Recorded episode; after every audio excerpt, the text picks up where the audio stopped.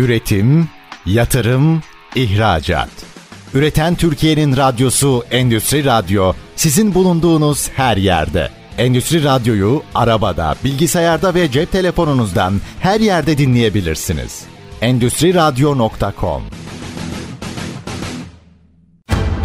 Çetin Ünsal'ın hazırlayıp sunduğu Reel Piyasalar programı başlıyor.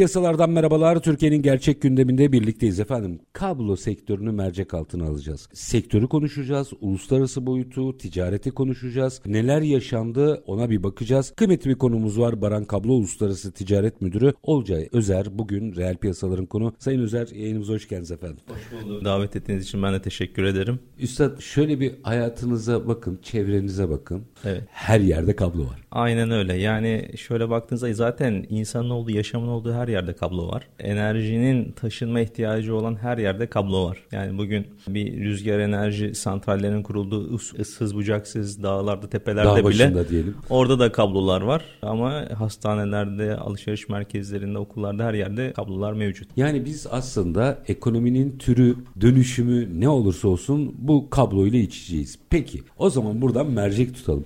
Nasıl Evet. bir sektör bu? Hayatımızın her alanında olan ne, nasıl bir sektör ne yaşanıyor Evet. üretiminden ticaretine kadar. Evet şöyle söyleyeyim. Şimdi e, kablo aslında yarı teknolojik bir ürün diye geçer. Temelinde de e, iletkeninin olduğu bir metal, alüminyum, bakır vesaire. Onun üzerinde de polimerle bir yap- yapılan bir yalıtımla e, elektriğin taşınmasını sağlayan veya veri iletişimini sağlayan bir üründür. Şimdi kablo Türkiye'de aslına bakarsanız Avrupa'dan veya dünyadaki diğer üreticilere göre biraz daha böyle genç bir sektör diyebiliriz. Veya genç orta gibi bir sektör diyebiliriz. Hani çok eskiye dayanan kökleri yok. Ancak genel olarak Avrupa'da da çok tercih edilen, dünyada tercih edilen bir ülke kablo, Türkiye'deki kablo üreticileri. O- Özellikle yurt dışından talepler konusunda Türkiye'deki kablocular gerçekten şu an gözde durumda. Neyimiz cazip geliyor? Birincisi lojistik anlamda çok avantajlı bir konumdayız. Hani tüm ürünlerde olduğu gibi ihracatta lojistik anlamda Avrupa, Asya, Afrika'nın ortasında bir konumdayız. E bundan dolayı da gördünüz mesela geçen sene bu Çin'de yaşanan sıkıntısı. krizleri vesaire. E bundan kaynaklı Avrupa zaten yönünü tamamen e, Türkiye'ye döndü. Hiç mesela Türkiye'de çalışmayan tedarikçiler bile Türkiye'de kablo firmalarını araştırdı. Oralardan mal almaya çalıştı. En önemli avantajımız lojistik avantajımız. Bir de işin niteliği yani gerçekten Türkiye'deki kablo üreticileri nitelik olarak da e, her geçen sene kendilerine çok daha fazla şey katabiliyorlar. Teknolojik anlamda, insan gücü anlamında, yatırımlar anlamında, kalite vesaire. E tabi bu da tercihin Türkiye olması konusunda daha kolay karar almasını sağlıyor dünyanın. Üstad orada biraz işin kalite boyutunu dünyaya tekrar geleceğim ama Evet. kalite boyutunu açmak isterim. Çünkü dünyanın en mükemmel makinesini yapabilirsiniz. Dünyanın en güzel tesisini yapabilirsiniz. Evet. Kablolamada veya kablo seçiminde bir hata hayatınızı cehenneme çevirebilir. Oradaki kalite kriteri ne? Şimdi şöyle söyleyeyim. Kablodaki kalite kriteri aslında zaten standartlarla belirtilmiş durumda. Hani hemen hemen her ülke kendi standartını belirlemiş durumda. Tabii şimdi mesela Türkiye için yapılan kablolarda e, belirli standartlar mevcut. İşte Almanya'nın aradığı standartlar mevcut. Burada kriterler ülkelerdeki işte standartlar ve onlara yaptığınız, onların beklentilerine uygun yaptığınız kabloların o standartlara uygun olması ve talep yani tamamen bu yönde. Yani beklenti işin şeyi, niteliği ve standartlara uygunluğu. Birçok noktada sanıyorum burada o kablolamayı yapan sahadaki kişinin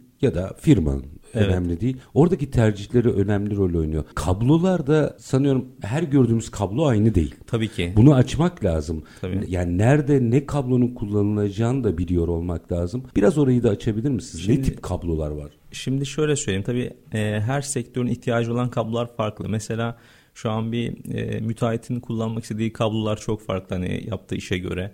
İşte bir e, otomasyon sektöründeki bir firmanın ihtiyacı olan kablolar çok farklı. Veya işte petrol endüstrisinde istenen kablolar çok farklı. Şimdi e, Veya burada fiber da internet veya mi? aynen telekomünikasyonda aynen istenen kablolar çok farklı. Burada aslında işin özeline göre e, kablo e, seçimi söz konusu. Yoksa e, tabii ki e, on binlerce, yüz binlerce çeşit kablo var. E, kablo tipleri var e, dünyada.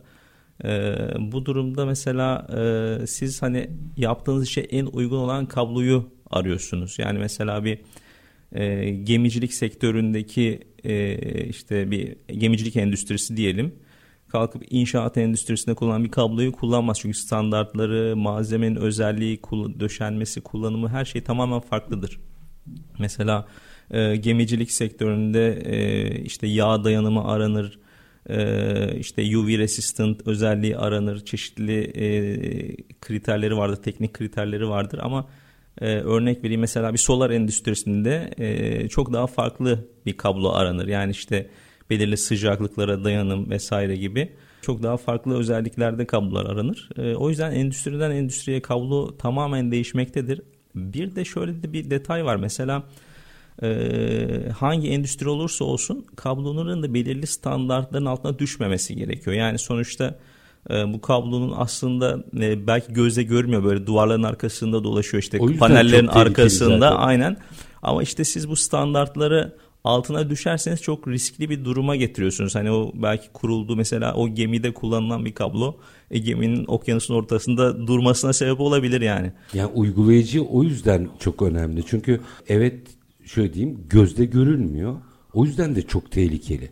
Yani tamamıyla yapan kişinin oradaki doğru meslek e, mensubu olmasına bağlı. Aynen Şimdi e, bu bahsettiğiniz çeşitlendirmeyi kablo üreticileri açısından merak ederim. Mesela bir kablo üreticisi her tür kabloyu üretir mi yoksa onlarda da ihtisaslaşma var mı? Şimdi şöyle, şimdi her türlü kabloyu üreten hani bir kablo üreticisi o zor bir durum. Çünkü yani bu feasible değil gibi. E, tabii ki değil. Yani hani şu an baktığınızda aslında her kablo firmasının odaklandığı e, sektörler var. Odaklandığı yani yatırımını ona göre yaptığı teknolojiler, ona göre ürettiği kablolar mevcut. Türkiye'de mesela şöyle baktığınızda 200-300 tane belki kablocu var tabii bu standart üretim yapan veya yapmayan kablo, kablocular da dahil. Ama bunların mesela inanılmaz şekilde hani sektörlere dağılmış durumda. İşte kimisi petrokimya endüstrisine yapıyor, gemi endüstrisine, kimisi solar endüstriye, rüzgar enerji endüstrisine, yenilenebilir enerjilere. Hı Kimisi otomotiv endüstrisine, kimisi otomasyon, işte robotik endüstriye, inşaat sektörü.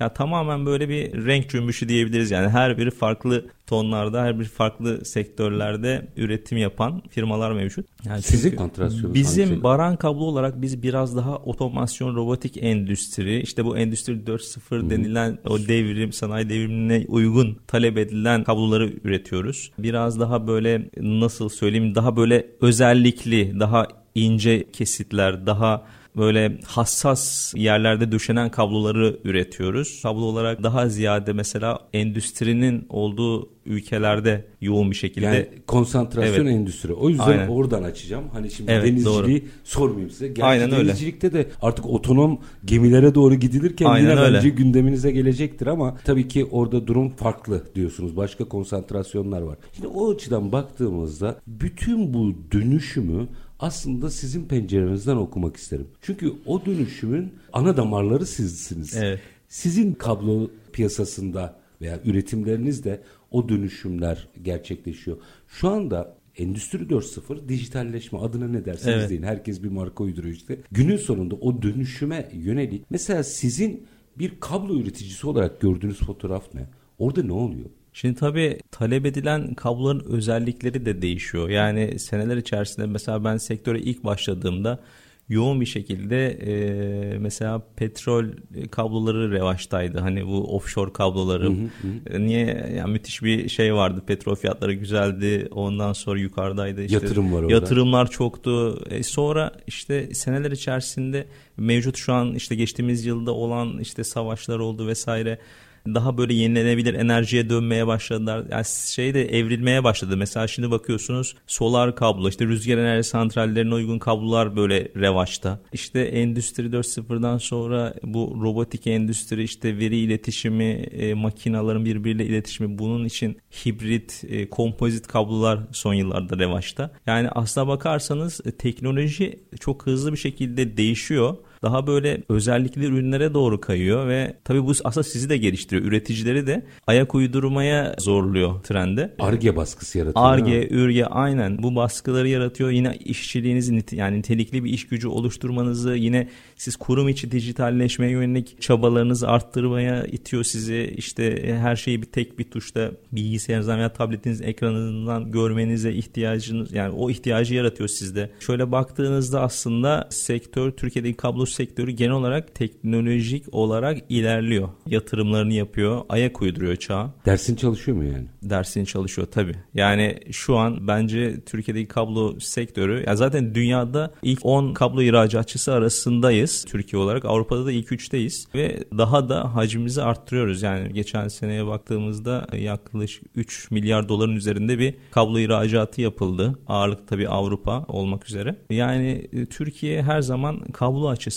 dünyanın rağbet gösterdiği ülkelerden birisidir ve ilerliyor da. Derdini anlatabiliyor mu? Çünkü şimdi mesela makine dediğinizde evet. ortada. Otomobil dediğinizde ortada. Şimdi kablo o kadar arada kalan ama çok hayati bir sektör ki bütün bu süreç içerisinde kendi gelişimini, kendini ifade etmesini etmeyi başarabiliyor mu? E, yani tabii ki şimdi Türkiye olarak sonuçta e, yurt dışından talepler geliyor. Bir kere bu talepler sizi şeye itiyor. Hani inovasyona. İnovasyona itiyor. Hani bir şeyler yapmanız gerekiyor. Yani zaten yapamadığınız zaman elenip gidiyorsunuz. Hani isminiz siliniyor kapatıyorsunuz veya satıyorsunuz yeri başkasına. Çok acımasız değil mi? Tabii ki. Yani eğer o ihtiyacı karşılamıyorsanız hemen yok oluyorsunuz. Başka birine gidiyor. Aynen öyle. Yani o yüzden devamlı dinamik olmanız lazım. Atik olmanız gerekiyor. Sektöre çağ ayak uydurmanız gerekiyor. Güncel gelişmeleri takip etmeniz gerekiyor. Yani mesela eskiden bakıyorsunuz ya tabii şu anda halen revaçta ama inşaat kabloları. Hani şu an sektöre ilk başlayan firma direkt inşaat kablosuyla giriyor. Hani neden? Hacim var. E, hacim var. Ondan sonra yapımı kolay. Hani çok büyük e, standartla tabii standartlar aranıyor ama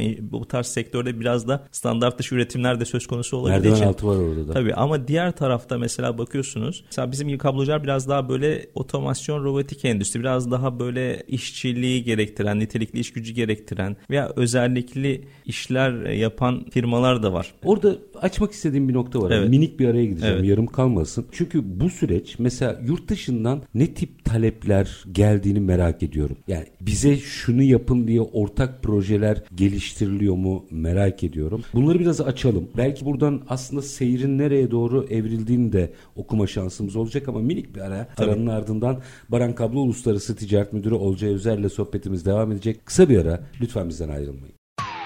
Üretim, yatırım, ihracat. Üreten Türkiye'nin radyosu Endüstri Radyo sizin bulunduğunuz her yerde. Endüstri Radyo'yu arabada, bilgisayarda ve cep telefonunuzdan her yerde dinleyebilirsiniz. Endüstri Radyo.com Kısa bir aranın ardından reel piyasalarda tekrar sizlerle birlikteyiz. Kablo piyasasını konuşuyoruz. Konuğumuz Baran Kablo Uluslararası Ticaret Müdürü Olcay Özer. Şimdi Sayın Özer araya gitmeden önce şunun üzerinde duruyorduk. Yurt dışına geldik. Şimdi evet. şeyi geçtim. Harcı alemi geçtim. Tamam. Orada bir sürü şey yaşanıyor olabilir. Evet. Ama bizim konuştuğumuz işte robotik, endüstriyel bir makine, otomasyon. Şimdi buralarda çok fazla merdiven altı şansı yok öyle diyeyim ya. Niye kimseyi rencide Bunu yapan adı kırmak lazım aslında. Doğru. Yapmamak lazım. O zaman bir kere fotoğrafı tersten okuyalım istiyorum. Yurt dışından böyle bir talep geldi. Örneğin robotik. Hı hı veya endüstriyel bir dönüşüm e, tesisi için gerektiğinde. Kire o süreç nasıl istiyor? Neler istiyorlar? Bu birinci sorum olsun. İkinciyi arkadan ilave edeyim siz e, evet. açın. Bir dakika bu sizde yok ama gelin bunu birlikte geliştirelim gibi eğilimler ortaya çıkıyor mu? Hadi buradan devam edelim. Tabii şimdi özellikle çok büyük firmalar Avrupa'da veya işte yurt dışında şimdi üreticiye ihtiyacı olan kablonun teknik spesifikasyonlarını zaten üreticiye bir sunuyor. Siz bunları yapabilir misiniz diyor bizim için. İlk soru böyle geliyor. Tabii. Yani.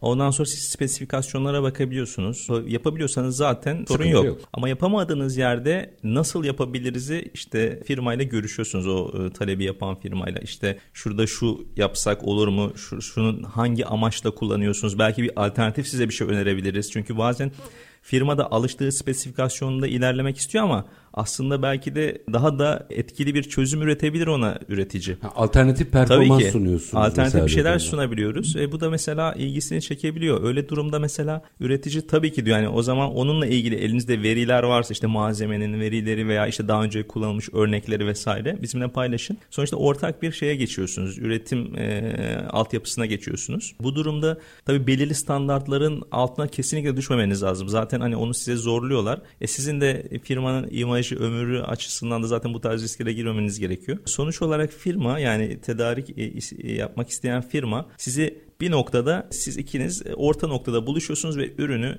üretip test ediyorsunuz. Şimdi bu noktada da artık ürünü alıp test etmeye başladıktan sonraki süreç önemli. Mesela o üründen gerçekten istediği verimi alabiliyorsa kullanıcı zaten sizinle devam ediyor veya başka macera arayışlarına girmiyor. Ama diyelim ki bir aksaklık oldu. Onu tespit edip tekrar bir geliştirme sürecine de geçebiliyorsunuz. Burada hani ıı, amaç şu aslında. Müşterinin istediği ürünü, kullanacağı yerdeki ürünü tam etkili bir şekilde ona sunabilmek. Doğru ürünü e, en uygun şekilde ona sunabilmek. Bunu yapamayan firmalar da zaten var. Hani mesela belki şey yapıyor, spekleri gönderiyor. Bu bizim işimiz değil deyip direkt hani hiç e, o çalışmaya girmeyen firmalar da çok. Herkes kartlarını açık oynamak zorunda galiba. Tabii ki, değil tabii ki. Ya zaten bir yerde mesela kullanıcı bunu alıp kullanmaya başladıktan sonra artık o mesela robotik endüstride kullanıyor diyelim. Herhangi bir arıza durumunda vesaire durumunda tespit edilebilen bir şey bu. Hani bakılıyor nerede arıza. Ha, Kabloda arıza var. Neden arıza? İşte o zaman tekrar kaçma şansınız yok. Yani çünkü başta zaten hani her türlü dokümanı, teknik spekleri, test raporlarını vesaire veriyorsunuz. Her şey okey. Makine çalışıyor sorun yok ama bir yerde zaten bir problem olduğunda özellikle batılılar kesinlikle bu konularda çok hassastır. Yani o hatanın nereden geldiğini bulana kadar uğraşırlar ve onu da hani şey yaparlar çözerler bir şekilde. Ya Batılılardan kastettiğiniz Almanlarsa zaten din normları Aynen öyle. Yani kesinlikle hata tartışmaya affetmezler. Açık bir konu yok. Din normları dediniz bitti. Aynen öyle. Yani o kadar çok sıkıdır ki standartları vesaire. Yani Avrupa bazen Birliği bu testleri standartları da neredeyse din normlarının aynısı. Tabii yani e, İngiltere tabii biraz ayrıştı Evet, ama evet. Avrupa genel olarak hani Alman biraz. Almanya'nın izinden gidiyor diyebiliriz yani. Orada yine konuşmamız gereken bir nokta var. Asıl gönüldeki müşteri Almanya mı? Almanya'yı fethettiğinizde mi Avrupa Birliği'ni fethediyorsunuz? Biraz oradaki çalışma metodolojisini de anlatabilir misiniz? Şimdi yani şu- biz gittik. Daha doğrusu sözlerinizden anlıyorum ki onlar geliyorlar. Şöyle Siz bir şey yapabilir misiniz? aslında. diye. Yani Onu da açacağım. Evet. Onlar diyorlar ki şöyle bir şey yapabilir misiniz? evet. Bu birinci faz. Ondan sonraki süreç nasıl işliyor? İkinci faz biz gittiğimizde hangi argümanlarla onların karşısına çıkıyoruz? Şimdi bir de önce şöyle bir şey söylediniz hani Almanya dediniz ama mesela biraz da üreticinin ürettiği kablolara da bağlı. Mesela herkes Avrupa'ya Almanya ihracat yapamayabiliyor. Yani ürettiği kablolar onlara hitap etmeyebiliyor. Burada Endüstri 4.0 konuşuyorsak O zaman Almanya. tabii ki Avru- Evet. Almanya aynen Ee, öyle diyebiliriz. Ee, Almanya, Avusturya, İsviçre gibi ülkeler. Kesin. Yani İskandinav ülkeleri. Şimdi tabii orada müşteri şeydir nasıl diyeyim muhafazakardır yani detaycıdır. En ufak detaylara bakar, e, referanslara bakar, sizi ölçer. Hatta gelip fabrikada gözlemini de yapar. Makinelerin performansına bakar, sizin çalışma şeklinizi inceler. Eğer hani ortak bir şeye başlıyorsanız bir üretime, bir, bir projeye sizi her ölçüde test eder. Belirli spesifikasyonlara uygunluğunuzu ölçer. E, çevresel sertifikalarınızdan tutun da ins- insan hakları ile ilgili şeyine kadar Tabii. her şeyi ölçer yani. Bunların anketlerini doldurtur size vesaire. Şimdi o konularda zaten Almanlar çok katıdır. Avrupalılar içerisinde zaten onlar kadar hani şey olarak sıkı şey yapan ülkede çok azdır herhalde. Şimdi karşı taraftan da talep gelebiliyor bu bazen. Bu dediğim şekilde hani firmaları araç audit Şunu yaparak vesaire bunu yapabilir misiniz hani nasıl yapabilirsiniz diye. E, Diğer taraftan üreticiler de tabii bazen o firmaların kapısını aşındırabiliyor. E, orada biraz daha tabii şey daha zor olsa da e, girme kısmı firmaya. Sonuçta belirli doneleri sunduğunuz zaman acaba bir deneyelim durumuna yani bir düşünelim durumuna getirebiliyorsunuz karşıda Üstad firmayı. o ikinci fazı ben daha çok önemsiyorum. Çünkü Evet. sizin zaten hali hazırda ürettiğiniz bir şeyle müşteri size geliyorsa tedarikçisinizdir. Evet. Yani üretici de olsanız tedarikçisinizdir. Ben ikinci fazı daha çok önemsiyorum. Çünkü siz gittiğinizde aslında onu incelemiş, onun üretimleriyle ilgili bir farklılıkla ikna etmeniz lazım. Evet. Evet. İşte bu bence çok daha katma değerli ve kıymetli bir alan. Aynen Bunu öyle. yapabiliyor muyuz? Tabii yani şöyle söyleyeyim yapabilen firmalar çok. Mesela bir fuarda ilginizi çeken bir firma oluyor görüyorsunuz. Orada da e, sizin yapabileceğiniz kabiliyetiniz olan bir kabloyu görüyorsunuz ürünlerinde. Mesela orada atıyorum bir otomasyon sisteminde sizin yapabildiğiniz bir kabloyu görebiliyorsunuz. Ondan sonra diyorsunuz ki hani biz bu kabloyu sizin adınıza geliştirebiliriz veya yapabiliriz tekrar. Hani nereden alıyorsunuz bilmiyoruz ama biz de alternatif size tedarikçi olabiliriz diye. E sonuçta zaten firma alternatifi açıksa zaten hani sizinle bir şekilde ön çalışmaları zaten yapıyor. Yani size numunesini veriyor. Analiz edin bakın diyor. Aynı kalitede üretebiliyor musunuz veya üzerine çıkabiliyor musunuz? Bu sefer hani bu analizleri yapıyorsunuz. Aldığınız numunelerin analizlerini işte testlerini yapıyorsunuz. Eğer zaten hani yapabiliyorsanız evet biz size bunu yapabiliriz. Maliyeti de şu olur. Evet, tabii maliyet tarafını da bakarlar Avrupalı üreticiler. Aynı e, şeyi tedarikçi. Evet aynen. Ya da üstüne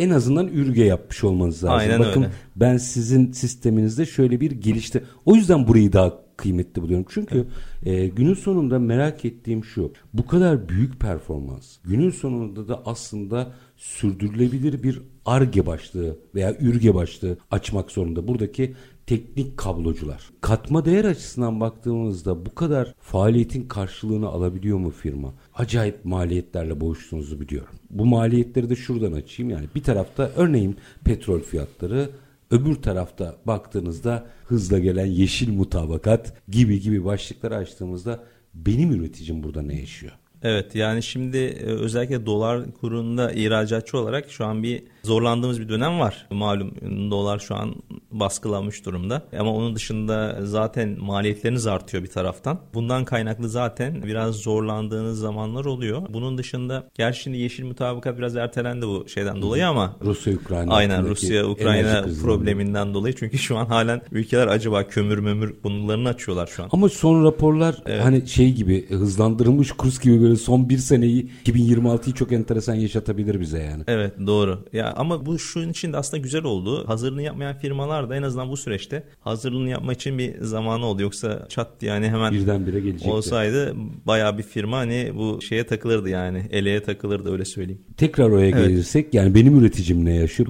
Daha doğrusu bu kadar emeğin karşılığını alabiliyor mu? Ha, evet şimdi e, tabii ilk etapta zaten bu işi yaparken belirli bir işçiliğiniz oluyor. Yani maliyetleriniz zaten yüksek vesaire. Bunu zaten karşı taraftaki firma başka bir yerden temin edemediği zaman sizin koyduğunuz o maliyetler falan neyse kabullenmek durumunda kalıyor. E siz de zaten yapmak zorundasınız. Bu maliyetleri yansıtmak zorundasınız. Yoksa aksi takdirde siz zaten devam edemezsiniz. Hani ne kadar e, belki bir sene iki sene ama ondan sonra mecburen artık e, yapmanız gerekiyor bunları ve karşı tarafa da zaten Türkiye açısından da baktığımızda aslında çok da şey değiliz biz. U- ucuz bir iş gücü değiliz. Ha, belki şu an dolar kaynaklı vesaire öyle görülüyor olabilir ama diğer mesela bir Hindistan veya atıyorum Çinli üreticilere göre e, gayet güzel işler çıkarıyoruz makul şekilde. Ama tabii hala önümüzde yol var. Yani halen önümüzde zaman var. Tamamen mesela bir şu an İtalyan üreticilerle rekabet ediyoruz Avrupa'da. Onların işçiliği malum bir daha yüksek vesaire ama sonuçta Türkiye ile İtalya'yı karşılaştırınca kullanıcı ya der hani İtalya'nın şey Marka olması değeri var markası var şusu var hani biraz daha ucuz yaptırmaya çalışabilir Türkiye'de ama tabii Türkiye'de bunu kapatıyor o arayı kapatma yolunda ilerliyor şu Aktörler İtalyanlar, Türkler, Hindistan e, Hindistan e, ya o taraf da var üreti kablo konusunda. Polonyalı üreticiler var mesela. Doğu Çok Avrupa enteresan. Tabii, tabii. ondan sonra zaten Çin'i malum. Saymıyoruz o başka Aynen, fazla o- aynen, o zaten- Yani hem, hem metreler hem de bakmayın yani bütün her şeye rağmen enteresan teknolojik yatırımlar yapıyorlar. Tabii. O yüzden de hani önemsememek anlamına gelmesin saymamak ama başka bir faz. Doğru. Başa çıkmak mümkün değil o orayla. Bizim burada galiba daha niş işlerin üzerinde durmamız gerekiyor doğru mu? Aynen öyle. Yani zaten şimdi işçiliğin yüksek olduğu işlerde yani atıyorum mesela bir inşaat sektörüne kabloyu şu an herkes yapabiliyor. Belirli kriterleri karşıladıktan sonra ama biraz daha mesela bu dijitalleşme çağında aranılan farklı tarzda kablolarda artık biraz daha böyle beceri, nitelik ön plana çıkıyor ve yani orada da tabii şeyler değişiyor. Kar marjları vesaire değişiyor. İşin kalitesi değişiyor. Yani sizin marka değeriniz değişiyor. Sonuçta şöyle söyleyeyim. İnşaat kablosu mesela ihtiyacı var kullanıcının. Her yerden bunu temin edebilir. Aynen. Ama mesela özel bir iş için kablo ihtiyacı var. O zaman araştırma yapmak zorunda veya şey yapıyor. Belirli başlı firmalara dönmek durumunda. Yani diyor ki mesela bu kabloyu diyor Mesela ben Baran kabloya sorabilirim diyor. Oradan çıkartabiliriz bu diyor mesela bunu. Yani üstad o zaman günün sonunda burada elbette günün sonunda ortaya çıkan ürün kablo da biz burada bir üründen çok bir mühendislikten bahsediyoruz sanıyorum. Aynen öyle. Yani sektörde aslında bir mühendislik ve çözümlerinin konuşuluyor olması lazım. Konuşuluyor mu? Şimdi şöyle bir şey var. Bünyenizde bulunduğunuz insanların, e, mühendislerin, çalışanların niteliği önemli ve bunların gelişmesi de önemli. Bir bakıma aslında sizden bu talepler yapılıyor ya Avrupa'nın bu işte özellikli talepleri olduğu zaman bu aslında sizin ekibinizi de güçlendiriyor. Çünkü mesela şöyle söyleyeyim bizden kat ve kat büyük firmalar var kablocular var Türkiye'de tanımazlar hani çoğu isim olarak daha çünkü ihracatta bir sene bir buçuk senedir e, varız ama mesela bizim yaptığımız kabloyu onlara götürdüğünüzde onların mühendislere şöyle bir baktığında kabloyu anlam veremez mesela. Niye? Çünkü yaptıkları yani montanlı evet yüksek hacimli bakır işliyorlar, kalın kesitler yapıyorlar işte ama işin özelliğine, inceliğine baktığınızda e, bize gelen iş mesela biraz daha özellikli, daha işçiliği yüksek ve hani kriterleri daha katı olan işler. E şimdi bu da sizin ekibinizi güçlendiriyor. Orada da insan kaynağı devreye giriyor. Orayı da biraz açmak isterim. Ama minik bir aranın ardından efendim kablo sektörünü spesifik alanlarıyla biraz da aslında yeni ekonomi boyutuyla konuşmaya devam ediyoruz. Konuğumuz Baran Kablo Uluslararası Ticaret Müdürü Olcay Özer. Kısa bir ara aranın ardından reel piyasalar devam edecek. Lütfen bizden ayrılmayın. Üretim, yatırım, ihracat. Üreten Türkiye'nin radyosu Endüstri Radyo sizin bulunduğunuz her yerde. Endüstri Radyo'yu arabada, bilgisayarda ve cep telefonunuzdan her yerde dinleyebilirsiniz. Endüstri Radyo.com Kısa bir aranın ardından reel piyasalarda tekrar sizlerle birlikteyiz. Kablo piyasasına, kablo sektörüne bakıyoruz. Konuğumuz Baran Kablo Uluslararası Ticaret Müdürü Olcay Özer. Özellikle kablonun bir kere genelinin fotoğrafını çok güzel çektiniz. Ama biz burada e, yeni ekonominin nitelikli kablo piyasasına biraz ekstradan mercek tuttuk. Oraya geldik mi de işte ürün geliştirmek gerekiyor. Yeni çözümler bulmak gerekiyor. İşin içine mühendislik giriyor. Mühendislik girince de insan kaynağı giriyor. Hadi bir insan kaynağı fotoğrafı çekelim. Ya tabii şimdi özellikle bizim gibi üreticilerde mühendislik e, işte mühendislik girişimleri vesaire bunlar çok önemli. E, nitelik çok önemli. Mühendisinizin gelen özellikli talepleri aynı şekilde algılayabilmesi veya işte karşı tarafın beklentilerini anlaması ve ona uygun çözümler e, sunabilmesi bunlar çok önemli. Ekibimiz bu konuda oldukça sağlam ve kendini her geçen gün geliştiren bir ekip. Yine aynı şekilde başlarındaki tecrübeli arkadaş araçlar sayesinde işte yurt dışının aradığı, bekle, istediği özellikli ürünler sayesinde her daim kendilerini geliştiren ve ileriye dönük planları veya işte kurguları yapabilen bir ekip. Yani o mühendisi aslında sizin bir bakın elbette maddiyat önemli ama maddiyattan öte bir gelecek, bir nasıl diyeyim hedef verebiliyor olmanız lazım. Galiba firmalarımızda en çok ıskalanan noktalardan biri bu. Bunu yapacaksın ve Evet. Onun altını doldurmak gerekiyor galiba. Aynen öyle. Yani şimdi oradaki insanların güzel işler çıkarabiliyor evet ama bunun için onlara bir şeyler sunabiliyor olmanız lazım. Yani kariyerlerin gelişimi anlamında işte belirli hedefler, belirli vaatleri koyabiliyor olmanız lazım ki o kişi hani e, bunu daha motivasyonlu bir şekilde, daha hevesle, daha hırsla yapabilsin. Çok daha güzel işler çıkarabilsin. Sonuçta eğer siz bunları koyamazsanız mutlaka hani elinizdeki o değerleri kaybetme riskiniz her zaman vardır. Çünkü e, yani şöyle söyleyeyim dışarıya yani sektör biraz acımasız acımasız. Sonuçta siz yetiştirdikten sonra hemen onları bünyesine almak isteyen e, çok fazla büyükler var, Akıl çelen var. çok. Aynen öyle yani kafa karıştıran çok firmalar olabiliyor. Dünyayla çok entegre olduğu için dünyadan da çengel atan çok oluyordur. Tabii ki özellikle e, mesela şu işte son zamanlarda bu Balkanlarda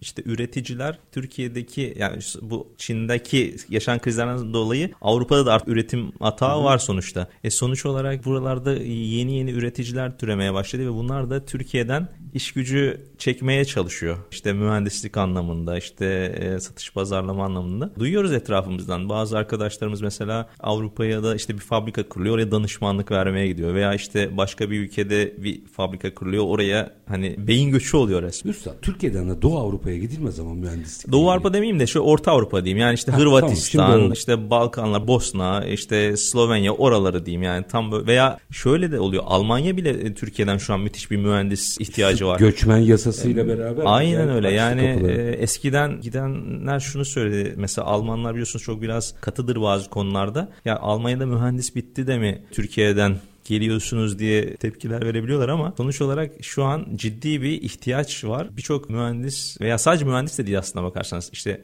sağlık sektörü vesaire herkes aynen şu an Avrupa'ya resmen göç ediyor yani. Üstad orada bir fark var. Belki biz oradan şimdi yeni ekonomiye de bir e, geçiş yapalım. Mesela evet o ülkelerde mühendisler var fakat yaş ortalaması çok yüksek. Evet. Ve buradaki aslında yeni ekonominin veya yeni üretim tarzının içinden gelen mühendisler tesisatçılar veya bu bir tesisatçı da olabilir önemli değil. Evet. Daha cazip geliyor galiba. Aynen Şimdi öyle. tam bu noktada bu dönüşümü yine kablo üzerinden okumak istiyorum. Şimdi biz fabrikaları zaten otomasyonla ilgili bir e, zemin oluştu. Otomasyon konusunda aşağı yukarı herkes en fikir ama şimdi galiba bir faz atlayacağız. Robotik teknolojilerle birlikte bir faz atlamak üzereyiz. Bu fazda siz önden görüyorsunuzdur kablo sektörü olarak. Ne konuşuluyor? Biz nereye gidiyoruz? Şimdi tabii size e, istenen talepler aynen taleplerin şekli orada. de değişiyor. Çünkü yani bakıyorsunuz gerçekten her gün aslında yeni bir talep görebiliyorsunuz. Daha önce hiç görmediğiniz talepler geliyor işte. Eskiden ben sektöre başladığımda 10 sene önce hibrit kablolar mesela bilmiyorduk bunları.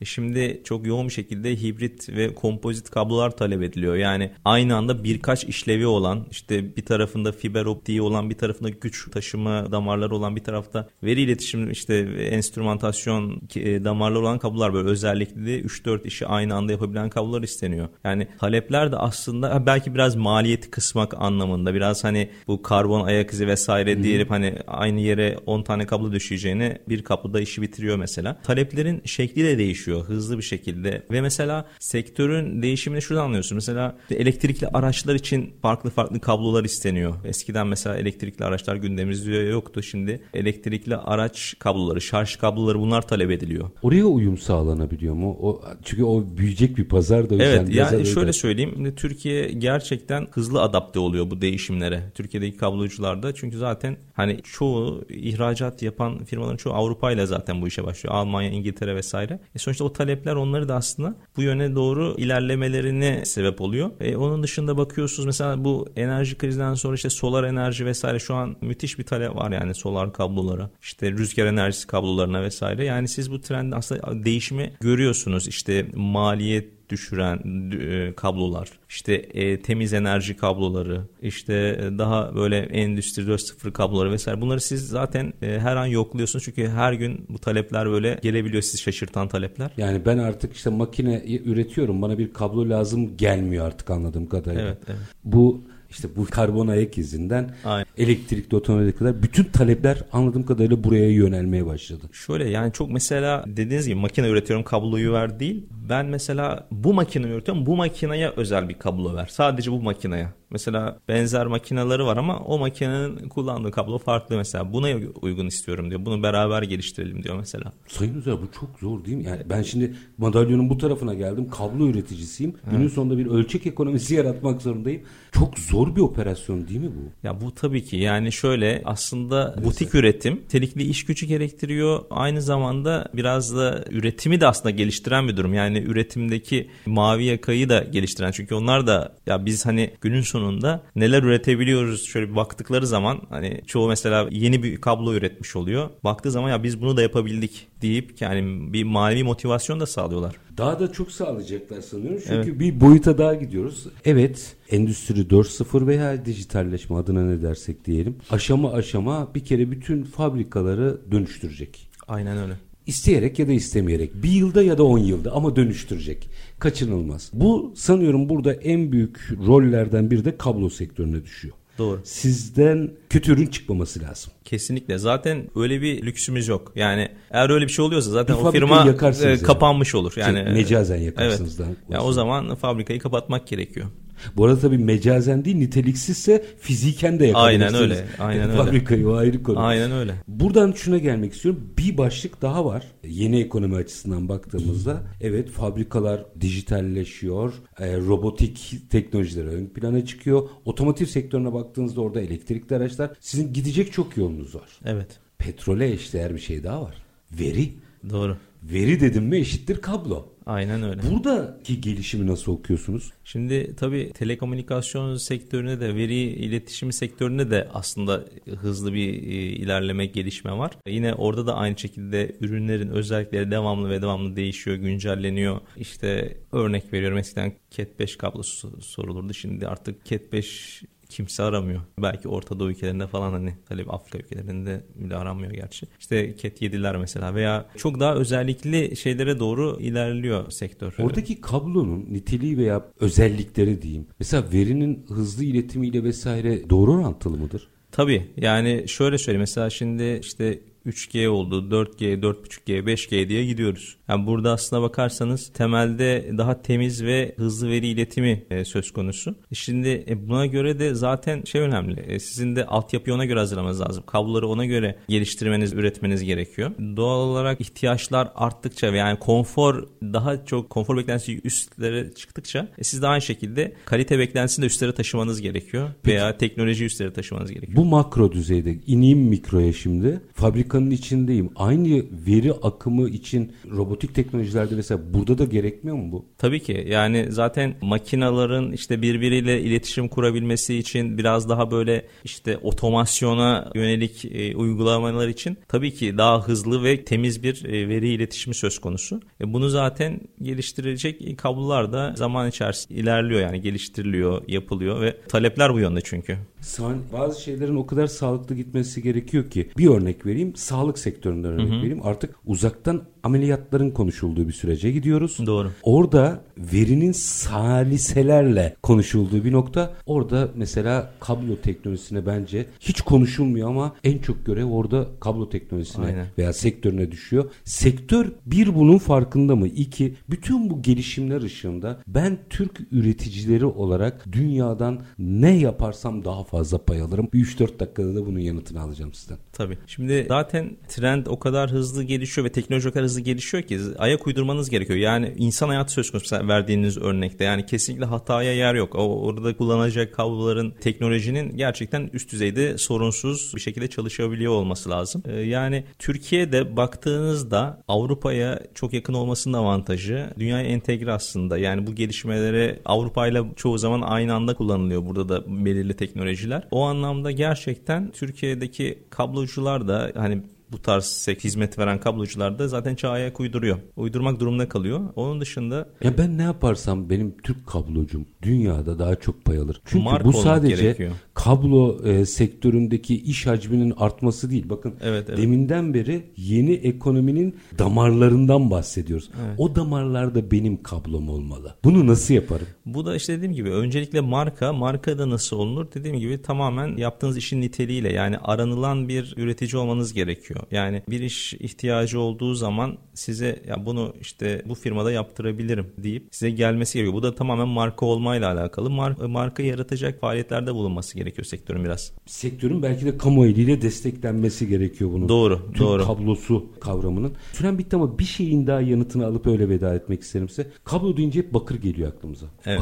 Orada farklı şeyler konuşuluyor Tabii. mu? Yani şöyle söyleyeyim. Alüminyum da mesela Hı-hı. kullanılıyor enerji iletiminde veya bakır kaplı alüminyumlar da mevcut. Yani sonuçta iletkenin e, veya işte fiberde biliyorsunuz direkt Güzel. farklı bir teknoloji. Hı-hı. Aynen. Yani bakır dışında aslında başka teknolojiler de var. Ama şimdi bakır biraz daha şu anki teknoloji gibi maliyet anlamında veya daha böyle temiz metal gibi. Anlamda. Aynen belki. daha ulaşılabilir. Gerçi o geçen sene yine onun da sıkıntıları yaşanmıştı ama üreticilerde. Evet. Evet. Ama genel olarak yani daha böyle temiz metal diye geçiyor zaten. Alüminyuma veya diğerlerine göre. Merak ettiğim o yani siz dünyada da içli evet. dışlı olduğunuz için böyle bakırsız bir şey de düşünülüyor mu? Konuşuluyor mu daha doğrusu? Şu yani şimdi süper iletkenler var. Ama. Evet şimdi süper iletkenler konuşuluyor. Yani tamamen manyetik üzerine bir şeyler. Yani bunu fuarlarda falan de ne derler prototiplerini falan gözlemleyebiliyorsunuz ama e, dediğim gibi o kadar hızlı ilerliyor ki yarın bir gün belki tamamen çok farklı bir şekilde biz bu enerji iletimini konuşuyor olacağız. Amerika'da çok uzun yıllardır belki hani sizin sektör için iyi değil ama argesi yapılan bir proje biliyorum. Kablosuz elektrik iletimi. Evet. Bence